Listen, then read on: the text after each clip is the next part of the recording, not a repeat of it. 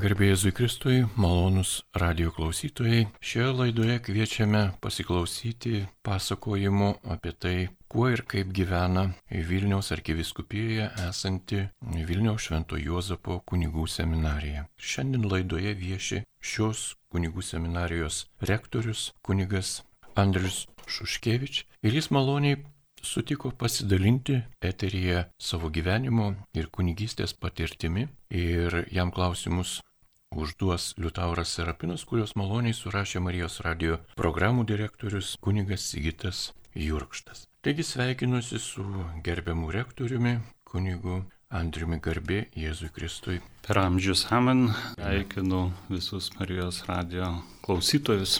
Dėkoju, kad atvykote ir gražią vasaros dieną galime vėl žmonėm priminti apie tai, kad kunigų seminarija veikia ir vasaros metu, nes yra stojamieji, o taip pat ir ruošiasi naujiems mokslo metams. Norėtųsi, gerbiamas rektoriau, kad truputį papasakotumėte ir apie save. Kaip jūs atradote savo kunigišką pašaukimą, ar jūsų šeima buvo tikinti ir ką kita. Taip, mano šeima buvo tikinti ir praktikuojanti savo tikėjimą, tai aš nuo vaikystės, kas sekmadienį kartu su tėveliais e, dalyvavau šventose mišiuose, vėliau po pirmos komunijos e, buvau patarnautoju. Tad mano gyvenime bažnyčia, tikėjimas, Dievas e, na, buvo nuo, nuo mažų dienų ir labai natūraliai na, buvo augama ir tikėjime, ir tame e, supratime, e, kaip svarbu yra būti ištikimam Dievui ir jam tarnauti, juo pasitikėti. Pašaukimas į kunigystę, nors vėlgi galėčiau įvardyti, kad jis labai, labai natūraliai ir labai palengva, tai beldėsi į širdį, tačiau toks jau tvirtas žinojimas, kad e, noriu stoti į seminariją, jis atsirado tik tai paskutiniais e, mokslo metais mokykloje, bebaigiant e, gimnaziją arba anuomet vidurinę mokyklą. O iki tol e, tai jis e, Dievui žinomų būdų e, augo ir brendo širdyje, kuomet na, turėjom tokią jaunimo grupelę, kur reguliariai, faktiškai kas savaitę susitikdavom, melzdavomės kartu, tai skaitydavom šventą raštą. Atsimenu, būdamas paauglys, e, kažkada turėjau progos nusipirkti visą šventąjį raštą. Šiandien gali e, tai atrodyti truputėlį keista ir neįprasta, bet anais laikais, e, na, nepriklausomybės aušroje dar visai nebuvo kaip sakant, paprasta e, šventąjį raštą turėti namuose. Tai kuomet įsigijau jį, tai buvo didelis džiaugsmas, skaitydavau beveik kasdien e, ir Senąjį testamentą, ir Naująjį testamentą, ir tai man buvo na, toks kasdienis maistas, Dievo žodis. Ir sakyčiau, per tą Dievo žodį taip pat pamažu ir man gal net nežinant, tą sėklą pašaukimo e, jį vis labiau e, prasiverždavo į paviršių. Ir kuomet atėjo laikas apsispręsti, ką veikti po mokyklos, e, tai sakyčiau, didelių abejonių nebuvo. Nors aišku, nerimo, kaip bus, ar esu vertas, ar pajėgsiu, na tokių abejonių, nerimo galbūt buvo, bet buvo ir ryštas kad taip e, noriu eiti šiuo keliu. O įstojus į seminariją, e, tai na, daugelis baimių arba nerimo atkrito, atsirado savų iššūkių, bet vėlgi visuose tuose ir sunkumuose, ir džiaugsmuose, ir laimėjimuose, ir kai kuriuose galbūt nuopoliuose lydėjo Dievo malonė, lydėjo tas, kuris pašaukė. O jeigu pašaukimas yra tikras, autentiškas, tuomet na, svarbu tik atsiliepti į jį, o toliau Dievas duoda jėgų ir gebėjimų visą tai įgyvendinti, įvykdyti. Dėkojame gerbiamas rektoriu už paraginimą ir tiems žmonėms, kurie galbūt ieško atsakymų savo gyvenimo pašaukime ir ieško aktyviai. Mėly radio klausytojai, tęsime laidą, kurioje apie seminariją ir kunigo kelią šiandien pasakoja Vilniaus Švento Jozapo kunigų seminarijos rektorius kunigas Andrius Šuškevič. Taigi, kas jūsų kaip seminarijos rektoriaus gyvenime teikia didžiausią džiaugsmą ir kas sunkiausia yra, būnant seminarijos rektoriumi. Kalbant apie džiaugsmą, galbūt išskirčiau tokius du momentus. Tai būtent rektoriaus pareigose tikrai džiugu matyti žmonės, kurie pirmą kartą ateina į seminariją, peržengia seminarijos lengsti ir e, kai kurie su tam tikra galbūt baime e, arba e, na, nerimu vėlgi ateina, bet taip pat ir, ir drąsiai su tokia ugnelė širdyje, e, tose akise matomas ryštas, kad štai aš noriu žengti šiuo keliu. Tai pasitikti žmonės, kurie daro tokį svarbų žingsnį savo gyvenimą, gyvenime, tokį pasirinkimą, tikrai yra didelis džiaugsmas. Ir e, jeigu jau peršokti į formacijos pabaigą, tikrai džiugu ir teikia didelį, didelę laimę e, dalyvauti tų seminaristų, kurie baigia visą formacijos kelią šventimuose.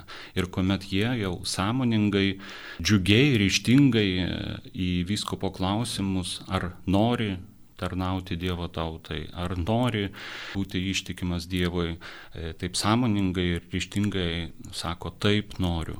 E, tai tikrai didelis džiaugsmas ir vidinis pasitenkinimas, kad šitiems žmonėms pavyko atrasti savo pašaukimą ir likti tam pašaukimui ištikimiems, e, bent jau tame seminarijos formacijos etape. Na, o apie sunkumus, jeigu kalbėti, tai be abejo skaudu kartais matyti, kuomet na, kažkoks potencialas e, yra neišnaudojamas arba kuomet pašaukimas į kunigystę, kuris yra didžiulė Dievo dovana, kuomet jis e, išeikvojamas, na, kažkaip prarandamas. Na, o jeigu apie patį save kalbėti, tai e, rektoriaus pareigose tikrai nėra lengva būti tinkamų liudytojų, nes kiekvienas mes esam silpni žmonės ir kartais tos pareigos, ta atsakomybė, na, kaip e, savo sąžinė, jeigu taip e,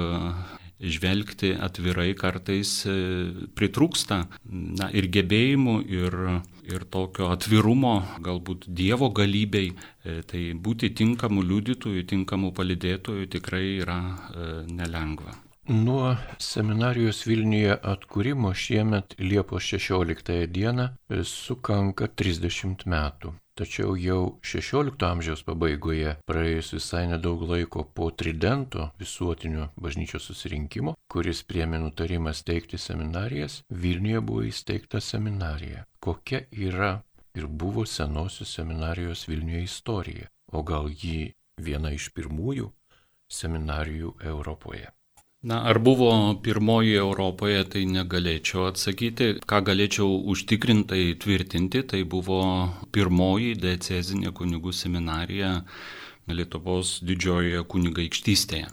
Na ir greičiausiai viena pirmųjų, taip pat ir Europoje, nes tas laikas nuo Tridento susirinkimo iki to sprendimo, kad kunigai turi būti ruošiami seminarijose, na, buvo te praėję 20 metų. Tai žinant, anų laikų laiko tekmę, na, tas greitis gyvenimo buvo daug mažesnis negu šiandien, tai, tai 20 metų tikrai e, labai greitai po to sprendimo e, buvo įkurta kunigų seminarija Vilniuje. Ir e, ji pradėjo su 12 kandidatų, tai 1582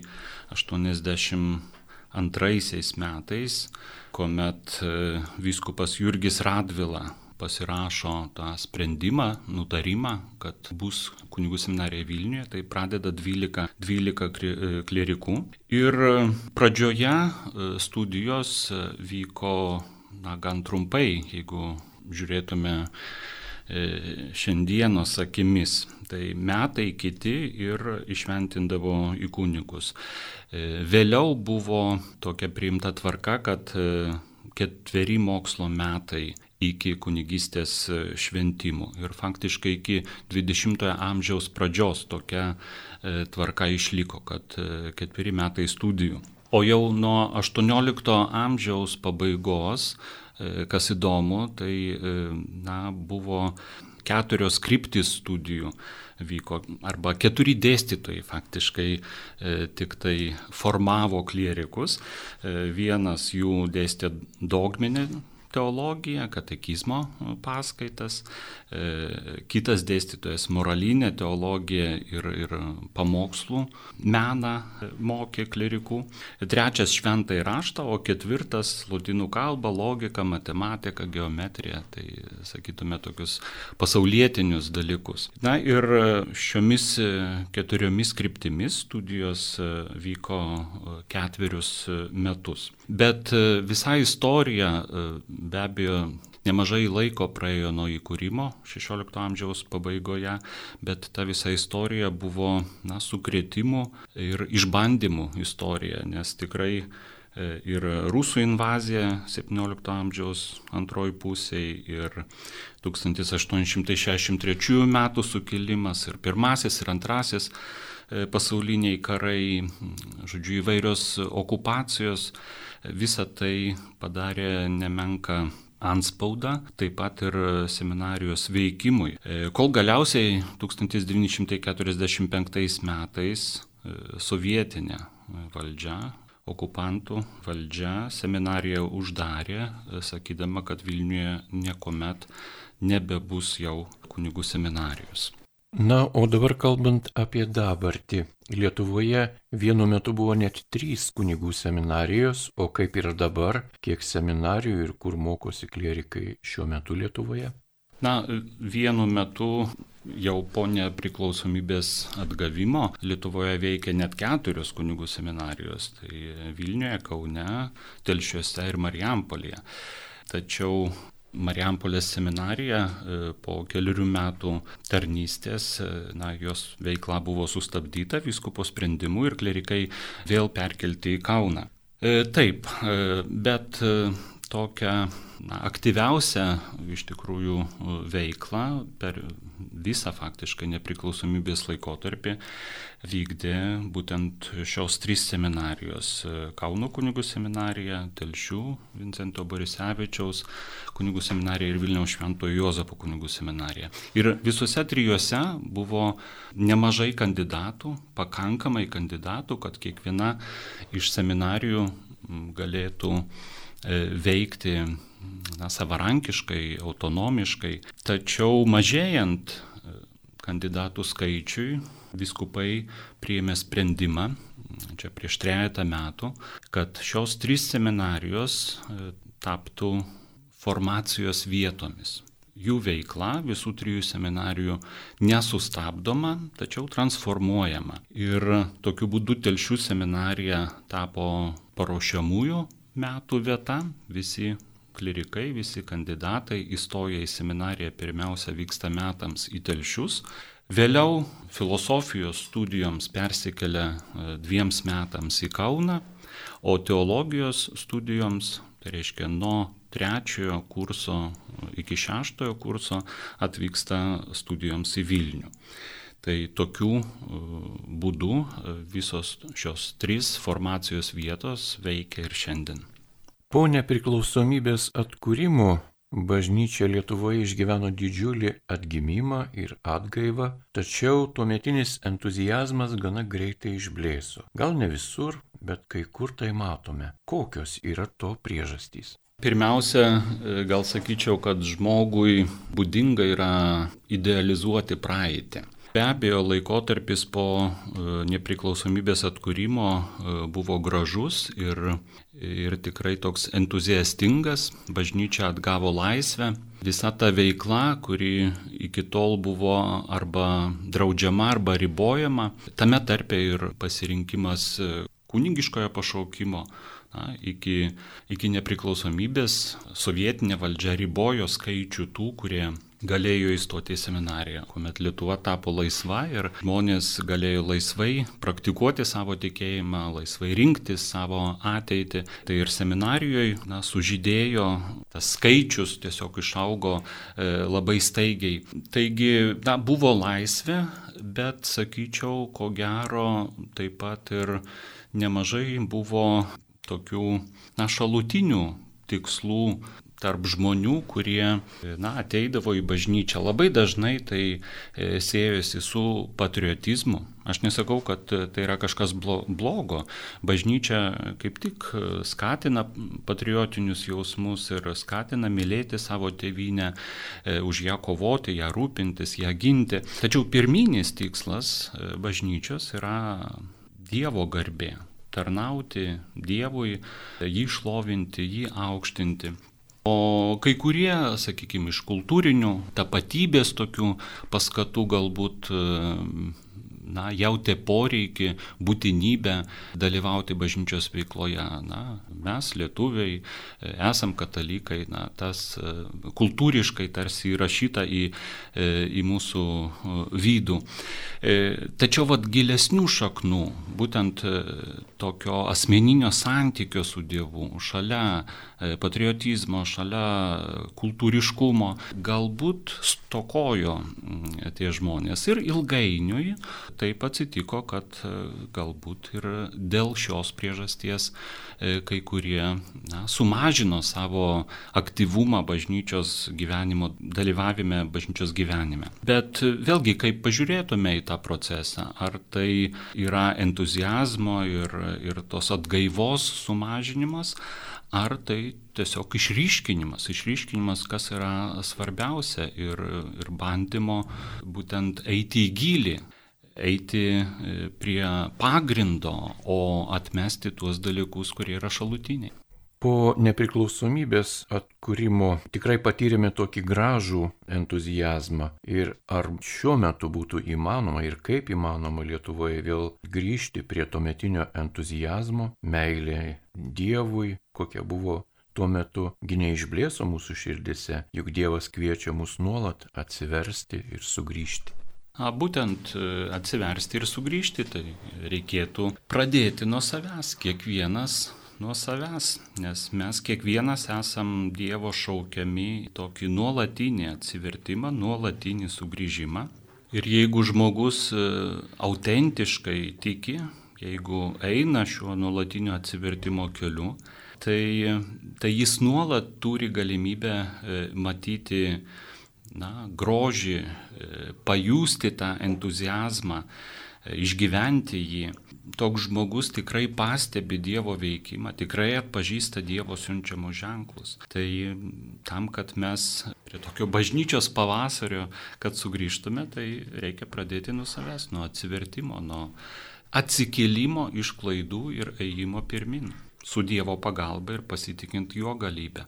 Jūs septynerius metus, būdamas seminarijos vicerektoriumi ir penkerius metus rektoriumi, matėte daug pašaukimų, daug kunigų jaunų ir vyresnių. Mes pastebėme, kad atsiliepiančiųjų į Dievo pašaukimą būti kunigu stipriai mažėja. Tačiau ar pastebint tam tikrus pokyčius pačiuose pašaukimuose jūs išvelgiate kokį dėsningumą? Kokie pašauktieji buvo prieš dešimt metų ir kokie dabar? Sakyčiau, kad dešimt metų gal nėra labai jau ilgas laiko tarpas, na, žvelgiant į, į istoriją.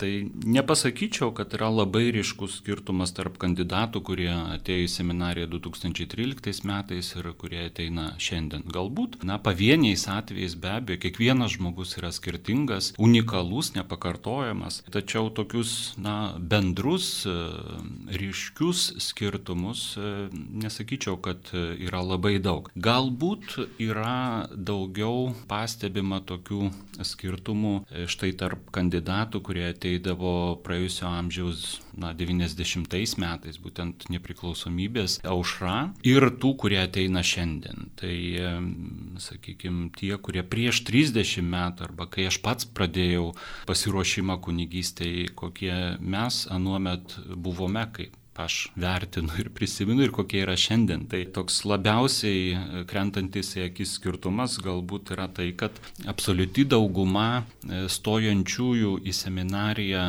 štai praėjusiame amžiuje buvo po mokyklos. Tai 18-mečiai, 19-mečiai. Jeigu buvo kažkas vyresnio amžiaus, tai buvo jau tokia išimtis ir pavieniai atvejai. Tuo tarpu šiandien, kaip tik priešingai, e, pavieniai kandidatai yra tie, kurie ateina, stoja į seminariją po mokyklos. O faktiškai dauguma e, dabartinių seminaristų e, jau yra brandesnėme amžiuje. Tai turėjo studijų patirtį, turėjo darbo patirtį, kai kurie net emigracijos patirtį.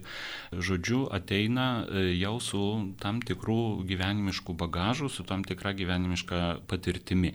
Ir be abejo, kadangi na, patirtis yra labai reikšmingas e, faktorius, tai e, skiriasi e, na, ir, ir elgesys, ir, ir prieimimas, sakykime, taisyklių, reikalavimų, disciplinos ir panašiai.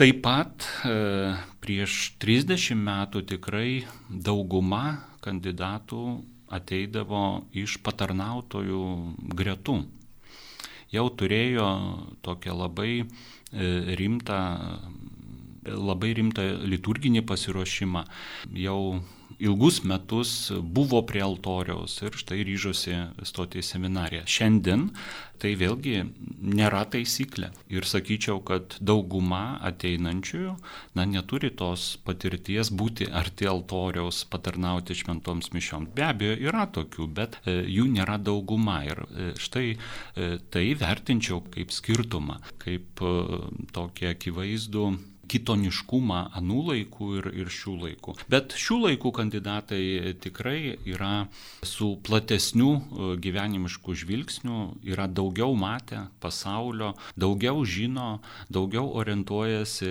na, sakykime, jau nekalbant apie internetinę, tą virtualią erdvę, tai kaip žuvis vandenyje, anais laikais to visai nebuvo. Bet e, visi šitie skirtumai arba panašumai, na, e, jie galbūt susiveda suveda į vieną. Arba aš bandyčiau suvesti į vieną, kad pamatinis, svarbiausias dalykas ir, ir kaip čia įvardyt, toks fundamentalus, fundamentali tapatybė tarptų ir anais laikais atėjusių ir dabar studijuojančių seminarijų, tai yra tas pašaukimas iš Kristaus Ne, suvokimas, kad aš esu pastebėtas, kad tai ne mano fantazija, ne mano sugalvojimas ateiti į seminariją, bet mane pašaukė. Ir jeigu žmogus turi tokį suvokimą, jeigu jis to vedamas atėjo į seminariją, tai e, tuomet visi skirtumai kažkaip tai išsilygina ir, e, ir susibalansuoja. Jau minėjote apie stojančiųjų sumažėjimą, o kaip manote, kokios tos priežastys, kad taip sumažėjo stojančiųjų į seminariją skaičius šiuo metu?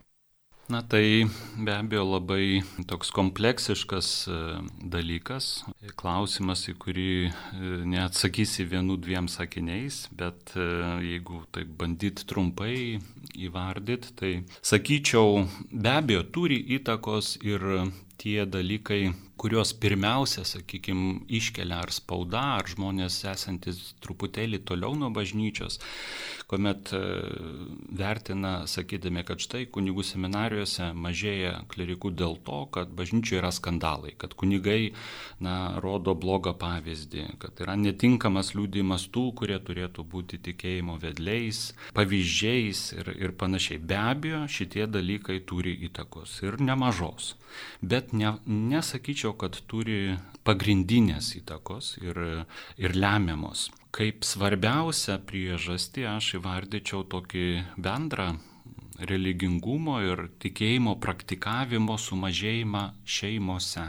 Šeima kaip bebūtų, yra e, viso ko pagrindas ir, ir taip pat religinio auklėjimo pagrindas. Ir net e, anais laikais, aš, pavyzdžiui, prisimindamas savo vaikystę, tai na, mokyklose anuomet nebuvo nei tikybos, e, nei etikos pamokų, o ir pasiruošimas katechetinis bažnyčioje vyko labai trumpai ir, taip sakyčiau, prabėgom, bet šeimose buvo bendra malda, buvo mamos ar močiutės e, pamokymas e, apie šventąjį raštą, apie tikėjimo dalykus. Ir kartu su tėvais, kaip šeima, na, dalyvauti ir, ir sekmadienio šventime, ir, ir kasdieniuose maldose. Tai e, darydavo tikrai tokį neištrinamą ženklą, pėtsaką širdyje ir formavo asmenybę. O šiandien neretai tėvai sako, kad na, maldų arba e, kryžiaus ženklo ir kitų tikėjimo tiesų mokykloje išmokys, e, katechetė arba ten kunigas per, per katechezės. Tai be abejo visi šitie dalykai yra, bet jeigu e, nėra šitų dalykų praktikavimo kartu su tėveliais, vaikas, mažas vaikas, jeigu mato, kad šeimoje tas neaktualu, o tai vyksta tik per tikybos pamokas ir tik bažnyčioje. Na tai, tai neįkrenta tinkamai į širdį. Tai vad toks e, religingumo sumažėjimas šeimose, jis turi, man atrodo, lemiamos įtakos. E, ir kuomet e, tikėjimas, religija, bažnyčia tampa tik tai būtent tokių kultūrinių sluoksnių, tik tai per šventes, tuomet, na be abejo, Dievas gali viską, bet e, jo balsui, jo žodžiui yra sudaromos papildomos kliūtis. Na va, o, o galima būtų vardinti ir, ir kitas galbūt priežastis, tai ir tokio gebėjimo atsakingai ir ilgam laikui daryti sprendimus. E, šiandieninis jaunimas, na, atidėlioja tuos e, ilgalaikius sprendimus. Viskas yra laikina. E, trumpam laikui, pabandymui. Tai vat e, toks būdas jis tikrai neskatina daryti tokių fundamentalių, radikalių sprendimų savo gyvenime. Tas matoma taip pat ir santokose. Žiūrėkit, e, jeigu anksčiau tikrai anksčiau sudarydavo santokas ir jų būdavo daugiau, o šiandien yra pabandymo kultūra. O jeigu jau yra apsisprendžia, tai jau tikrai vyresnėme, brandesnėme amžiuje o iki tol praeina daug kitų etapų. Tai vėlgi kartoju, kompleksiškas klausimas, tikrai daugelis e, priežasčių, e, bet, bet Dievas vis tiek yra didesnis. Ir jis ir šiandien kviečia ir per visus tuos, e, na, per visas kliūtis, jo žodis vis tik prasiveržia iki žmogaus širdies. Ir net jeigu yra sumažėję, kandidatų šiandien, bet reikia stebėtis, kad yra tiek šiandien, kuomet yra e, tiek na, pasipriešinimo, tiek kliučių pasirenkant šią tarnystę. Vis tik tiek dar šiandien turim. Tai, sakyčiau, tai yra stebuklas.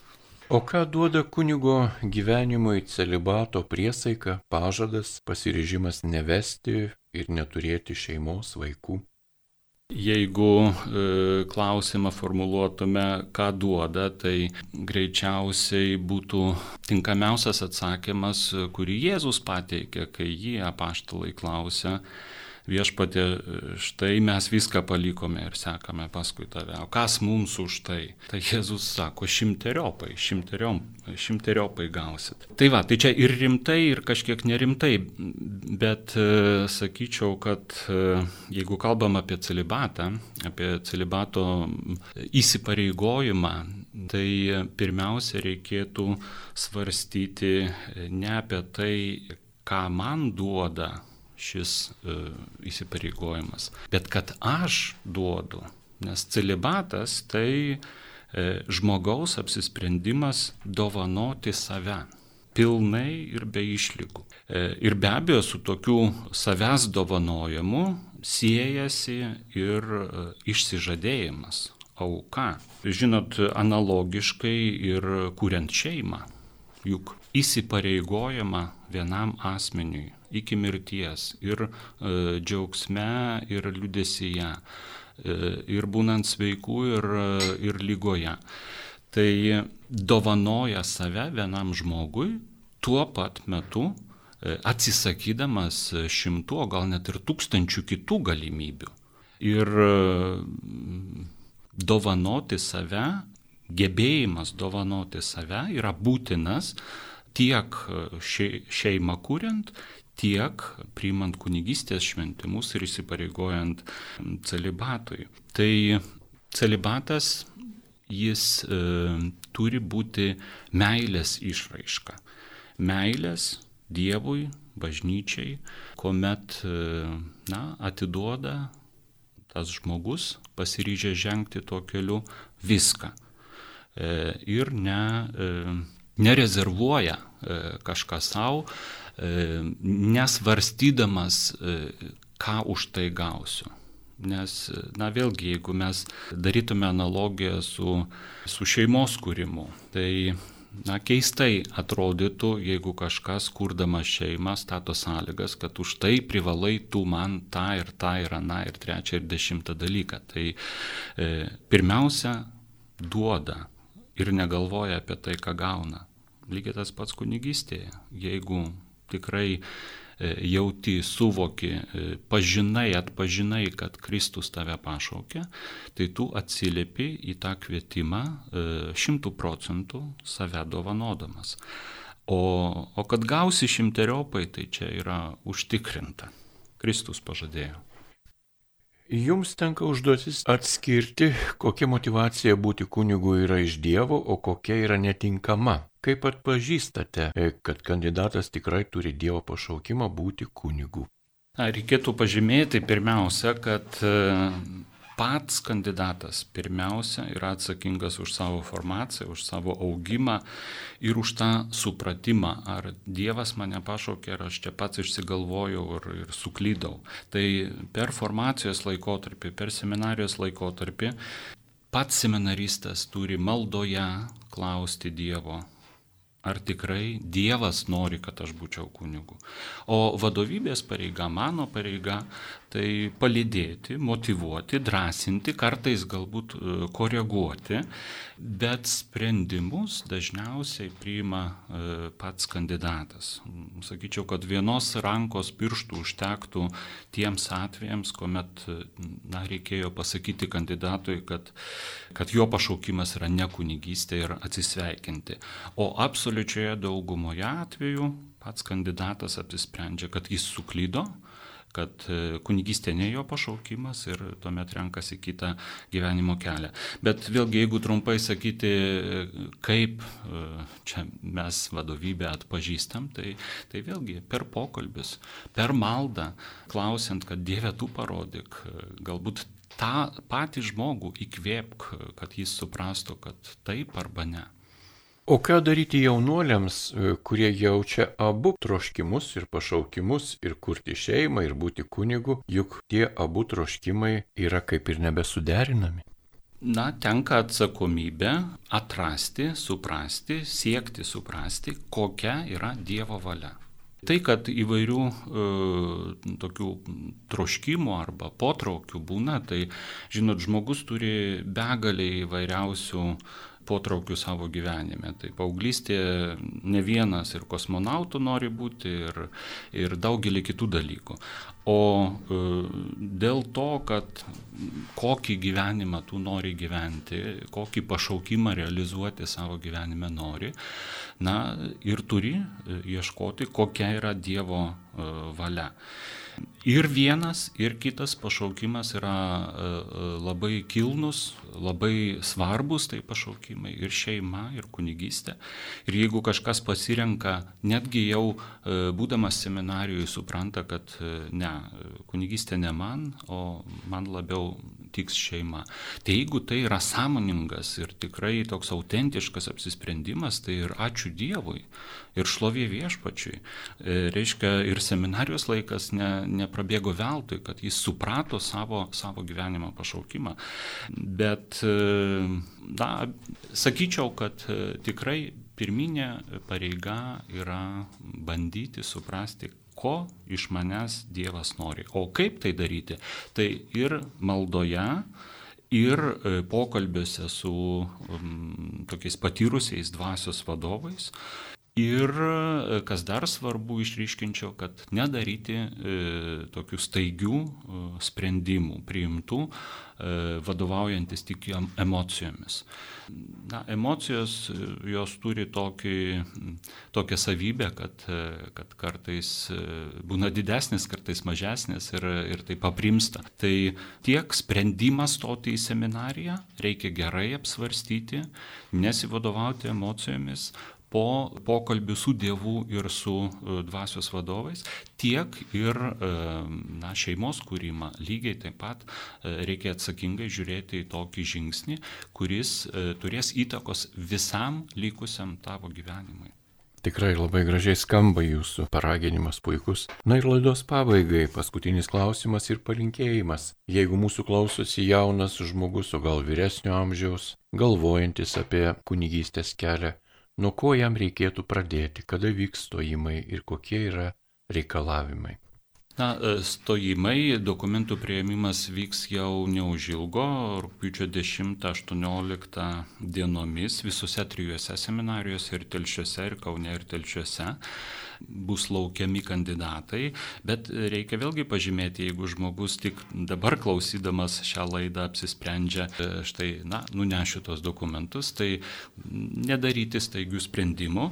Todėl pirmas žingsnis turėtų būti pokalbis su parapijos klebonu arba su to kunigu, kuris, na, kuris yra autoritetas tam žmogui, atverti savo širdį, išsakyti abejonės, išsakyti svajonės arba savo, savo vidinius išgyvenimus. Ir, ir tartis, tartis, ar tikrai, na, neklystum, galbūt mano motyvai yra ne visai tikri. Tai pradėti nuo dialogo, nuo dialogo su tais žmonėmis, kurie e, jau yra praėję šį kelią jau turi tą patirtį, na, tų ir apsisprendimų, ir abejonių, ir iššūkių.